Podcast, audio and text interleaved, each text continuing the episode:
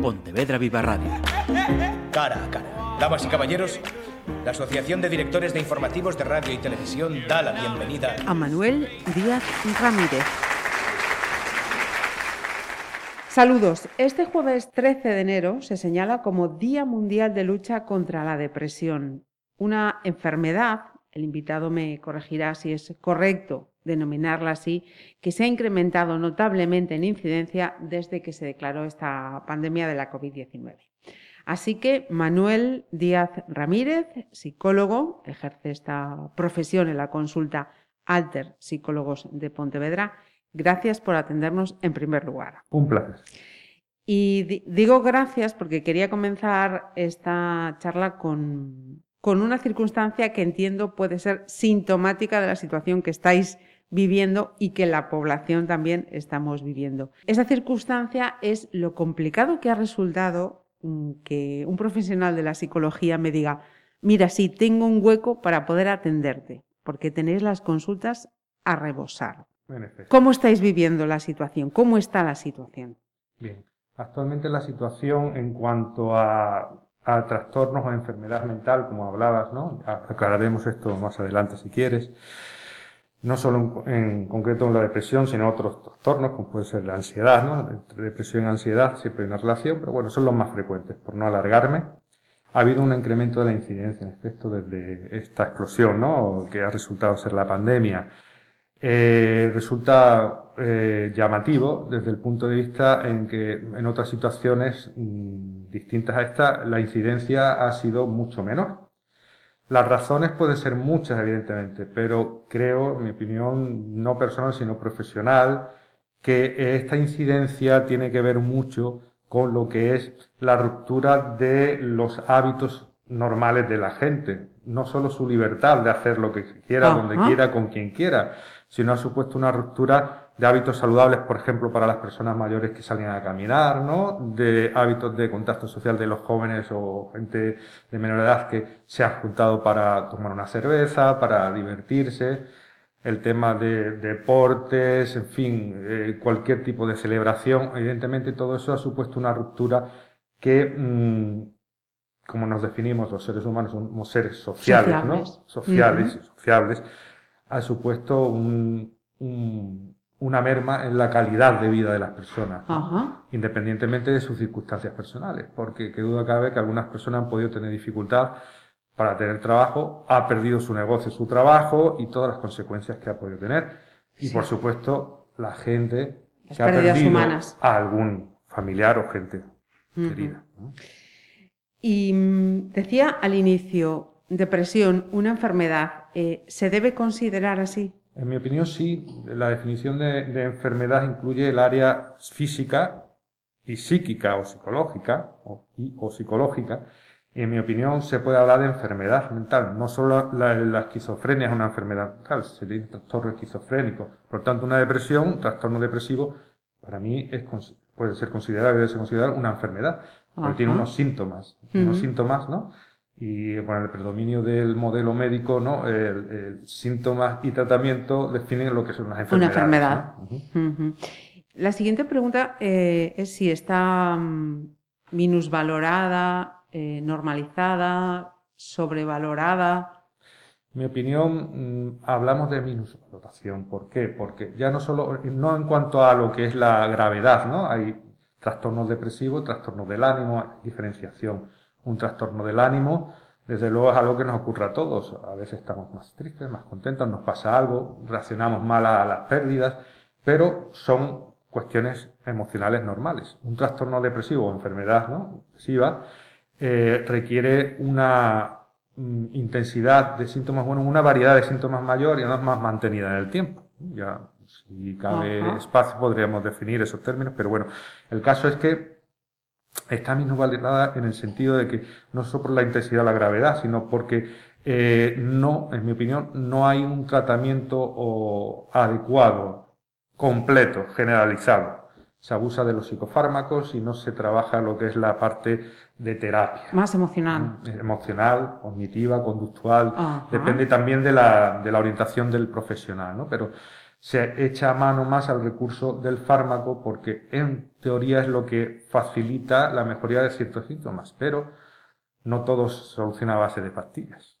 A veces es más cara, ¿no? Más que solucionar. ¿Sabemos eh, identificar el trastorno? Porque nos decía ahora, bueno, es un cambio de, ánimo sostenido en el tiempo. Claro, a veces nos parece, bueno, tengo un mal día, pero a veces es, tengo, es que llama una semana, es que, bueno, que, me lío. Es muy, muy identificable porque hay unos criterios, unos criterios diagnósticos.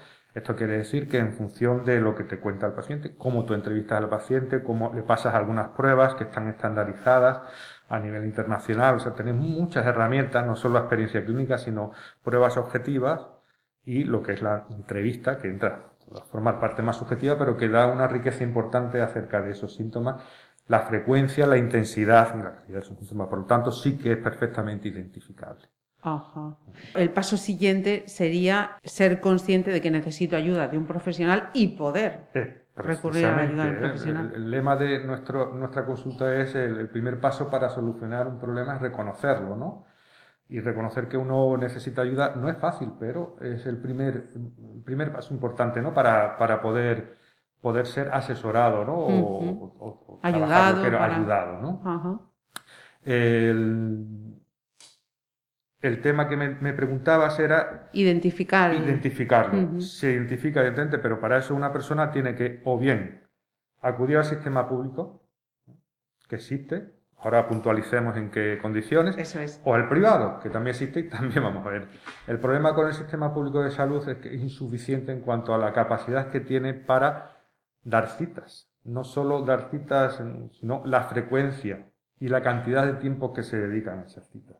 Hay pocos profesionales en el sistema público, tanto psiquiatras como psicólogos, sobre todo, mucho más déficit de psicólogos. Y las citas son demasiado esparcidas en, el, tiempo. y una frecuencia, o sea, una frecuencia muy baja y una duración también muy corta. Por lo tanto, hay un nivel de capacidad de manejo de ese tipo de cuestiones que muchas veces, sobre todo, evidentemente son los psiquiatras los que mm, recetan fármacos, los psicólogos tenemos que entender, tenemos que saber si funcionan, mm, recomendar que haya revisiones si es necesario. Entendemos, no, no recetamos, pero tenemos que entender, ¿no? Bueno, pero claro, si no hay recursos, no hay profesionales, lo más fácil es trabajar con fármacos. Claro, los fármacos entre que das con el adecuado, ¿no? Eh, que se establece el periodo, lo que es el, terapéutico, y se van los síntomas secundarios, puede pasar a veces un mes mínimo, dos. Luego que esa persona mejore síntomas, síntomas que tienen que ver con el estado de ánimo en sí, ¿no? Con, con la desgana, desmotivación, pero no con otro tipo de, de signos. O mm, causas de la depresión, que son, por ejemplo, los pensamientos, ¿no? Las condiciones, los hábitos. Por lo tanto, en la privada hay que tener dinero, en la pública hay que tener más profesionales. Y estamos en que, mm, por una parte, como nos acaba de indicar, esos ratios efectivamente están por debajo de los que nos recomienda la, Unión Europea y que recurrir al ámbito privado pues no está al alcance de todos. En relación a esta, cuestión, ya eh, enlazo con esta pregunta que tenía prevista a tu juicio, me permites que te, tú te, estaba tuteando ya antes. Eh, esa estrategia de salud mental que ha aprobado el Gobierno en diciembre, con un periodo hasta 2024, ¿lo veis los profesionales un, un plan que va a ayudar a solventar esas carencias y esas deficiencias actuales? Cualquier cambio que mejore la situación actual va a servir, ¿de acuerdo? Por lo tanto, este debería de mejorar. Eh, lo que no sabría decirte a ciencia cierta en qué medida o en qué, en, qué grado va a aumentar. Pero sin duda sí que va a poder mejorar lo que es la atención a ese nivel. Cualquier cosa, y esto no es poco, pero bueno, a lo mejor se descubre que necesitamos aún más, ¿no? Más recursos. Bueno, el hecho de poner ya la atención ya es un paso, ¿no? Exactamente. Como reconocer ya es un pasito. Es, efectivamente, es muy importante.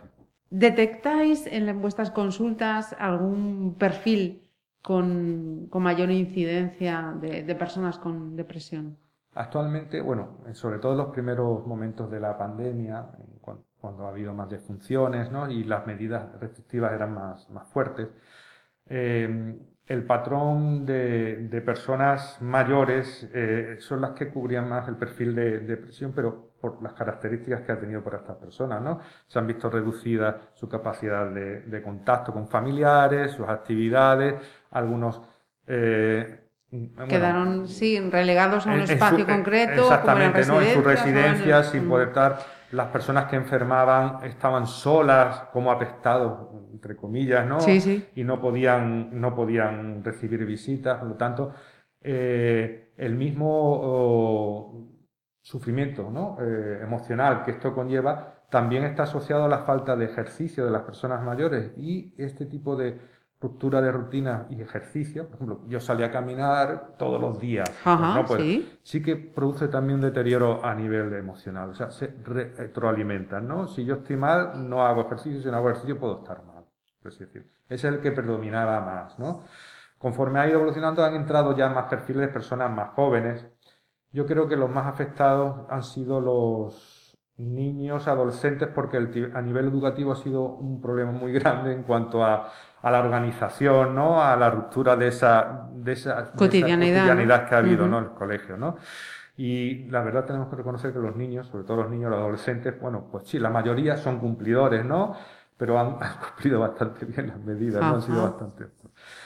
Y luego las personas que han tenido una pérdida importante de algún familiar, evidentemente está entra la madurez, ¿no? La persona de 35, 55 años, que han perdido algún padre, algún familiar, o incluso ha tenido problemas con su trabajo, ¿no? O ha tenido que dejar su negocio toda la vida.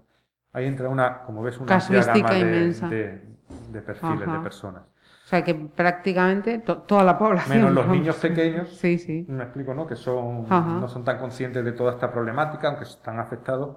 Por todos lados ha habido una afectación en alguna u otra manera. Ajá. Sí que he visto que en cuanto a cifras de, incidencia no se, no se ponen todas eh, de acuerdo.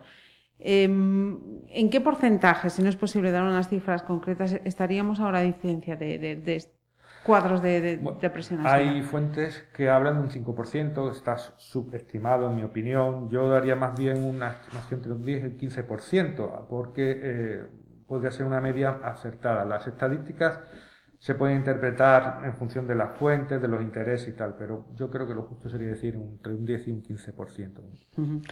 Y eso es un porcentaje muy alto, teniendo en cuenta la población. Mira, otro dato que, he visto es que mm, en 2020 se había producido en España un aumento del número de, suicidios. De hecho, decía que, según esta fuente consultada, era el mayor número en los últimos 40 años. Es, eh, para mí, personalmente, es difícil de, de echarle toda la culpa a que la pandemia ha sido la responsabilidad, ¿no? Que duda cabe que algún...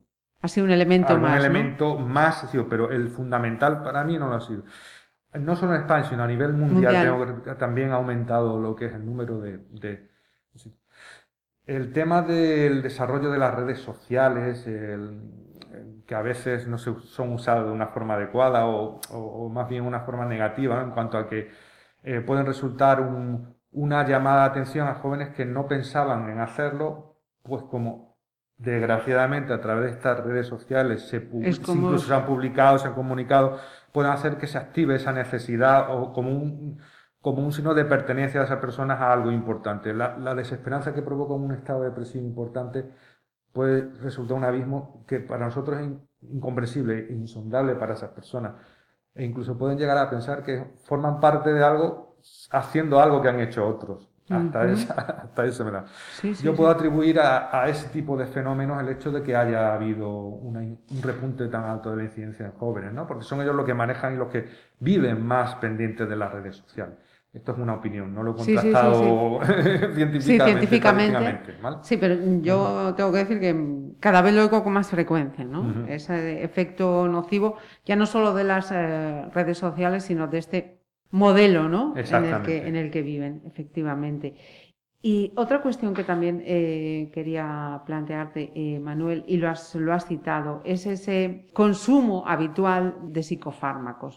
Ya centrándonos en el contexto eh, español, que están saltando alarmas, ¿no? Son muy preocupantes y sobre todo en una población cada vez más joven. Sí, si se toma, si partimos de la falta de recursos, y antes comenté que se se utilizaba el psicofármaco como, como una herramienta que está disponible y que es, entre comillas, más fácil de manejar porque es, puedes decidirlo en una sesión, dos sesiones. y de trabajar, pues hacer los seguimientos son mensuales, en fin, en función de cuándo se puede decidir que es el, fármaco adecuado ¿no? para cada persona, porque eso hay que hacer un control, no se puede dar así. Pero el problema es que la falta de profesionales, mm, o sea, de número de profesionales, ¿no? las citas que se alargan tanto, ¿no? porque hay muchas personas necesitadas de, de atención psicológica, psiquiátrica, hacen que los fármacos sean utilizados como único recurso y no controlados del todo. De hecho, incluso a veces pueden llegar a cronificarse, sin, porque no se ha tenido en cuenta o no se ha podido tener en cuenta, quiero decir, a otros tipos de intervenciones, como decía antes, ¿no? Una terapia mm, emocional, cognitiva, de cualquier otra orientación que sea, pero creo que la terapia eh, que no requiera de un Que no es solo el fármaco. Por lo tanto, si se recurre a, a, solo los fármacos, hay que depender del fármaco. Por lo tanto, se produce una dependencia del fármaco. No es una droga como puede ser la cocaína o la heroína, pero que duda cabe que tiene un efecto de eh, cambio a nivel de homeostasis cerebral, de adaptación ¿no? a nivel cerebral y que también crea dependencia. Y, crea una serie de síntomas y hay una retirada. Por lo tanto, a veces se cronifican porque no son bien controlados o no hay otras alternativas, porque no hay número de profesionales suficiente. Es mi opinión, ¿no? Volvemos a incidir en esa, en esa carencia. Una cuestión ahora que, que, estaba hablando que también quería plantear, hablando de, depresiones, pues mira, el último caso de diciembre, el más reciente de este mismo enero, el humorista eh, español eh, Martín Estromae estos últimos días eh, han salido cada uno a su manera públicamente reconociendo esta enfermedad, ¿no? ¿De qué manera lo veis vosotros? ¿Ayuda? ¿Es necesario que, que, también estas personas más mediáticas den ese paso adelante y decir, bueno, yo también he pasado por esto? Pienso que sí, porque como todas las enfermedades mentales, ¿no? se intentan relegar a la privacidad, ¿no? Hay como una especie de tabú, ¿no? Acerca de tener una enfermedad mental. Y la primera barrera es esa, ¿no? Considerar tabú la enfermedad, la enfermedad. Nadie dice, o le importa decir, me he roto la pierna. De hecho, la escayola siempre se llena de firmas, ¿no? Por ejemplo, ¿no? O yo qué sé, o tengo una cervicalgia. Sí, es una enfermedad. Pero hay una especie de tabú, vergüenza, como porque se cataloga, y de hecho es una historia de catalogación de la enfermedad mental que tiene que ver seguramente con los casos más graves, ¿no? Y que estamos acostumbrados a ver en las películas, ¿no? Y que, y que estigmatiza. El problema es la estigmatización de la enfermedad mental. No solo la depresión, ¿no? Sino sobre todo trastornos eh, esquizofrenia u otro tipo de enfermedad mental que la que se conoce, todo el mundo conoce o reconoce como enfermedad verdaderamente. Claro, el que una persona con cierta, cierto, cierta fama, ¿no? Cierta reconocimiento, conocimiento a nivel social, que, reconozca que ha sido, es una forma de normalizar y lo veo entonces muy positivo, que la gente pueda reconocer, sobre todo, no que la haya pasado, sino que la he llevado y, la, y la he solucionado. De la perspectiva de que una depresión se puede curar, está ahí, ¿no? Con estas declaraciones, ¿no? Porque además ve el éxito de la persona, ve que también pueden no creerse, ay, ¿cómo ha podido pasar una depresión? creo que es positivo, que personas con esa notoriedad puedan, puedan reconocer y lanzar ese mensaje. Ajá. Y podemos terminar con algunos eh, consejos para tener una buena salud mental. Bueno, eh, consejos doy ahora, poder llevarlos a cabo quizás es, difícil, otra cosa. pero porque es difícil controlar eh, cuáles son los valores ¿no? a nivel general en esta sociedad, ¿no? el auge del individualismo, ¿no? del pensar más bien para uno, no para los demás, eh, el hecho de necesitar cada vez más cosas, todo este tipo de cosas, todo el mundo está, cansado de escucharlos, pero al fin y al cabo crea un ambiente ¿no? de, falta de, de solidaridad y de compartir. Para salir de una depresión hay que hacer cosas. los depresivos suelen quedarse en casa porque no tienen ganas de nada, pero es todo lo contrario que deben hacer. Por lo tanto, para prevenir hay que intentar eh, bueno, hay que conservar amigos, hay que hacer amigos, hay que socializar, hay que eh, mm, tener objetivos vitales, unos estudios, una carrera, mi familia, los amigos, en fin, tener objetivos, aficiones. Claro, esto ya entra dentro de las posibilidades de cada cual, ¿no? Y, evidentemente no todo el mundo puede permitirse ni las mismas aficiones ni las mismas eh, actividades, ¿no? Pero la actividad, actividad, actividad y, por supuesto, cimiento, pues, poder permitirse una atención psicológica, psiquiátrica de calidad, pues es lo recomendable, ¿no? Pues eh, Manuel eh, Díaz, eh, muchísimas gracias por acompañarnos, informarnos y darnos estos consejos que nos acaba de dar para este 13 de enero. Muchas gracias. Encantado. Pontevedra Viva Radio. ¿Me permiten que les haga un comentario como espectadores del programa Cara a Cara? Según un reciente sondeo de mercado, ustedes disponen de estudios e inteligencias superiores a la media. Sus intereses abarcan desde la actualidad mundial y la ciencia hasta el deporte y los espectáculos.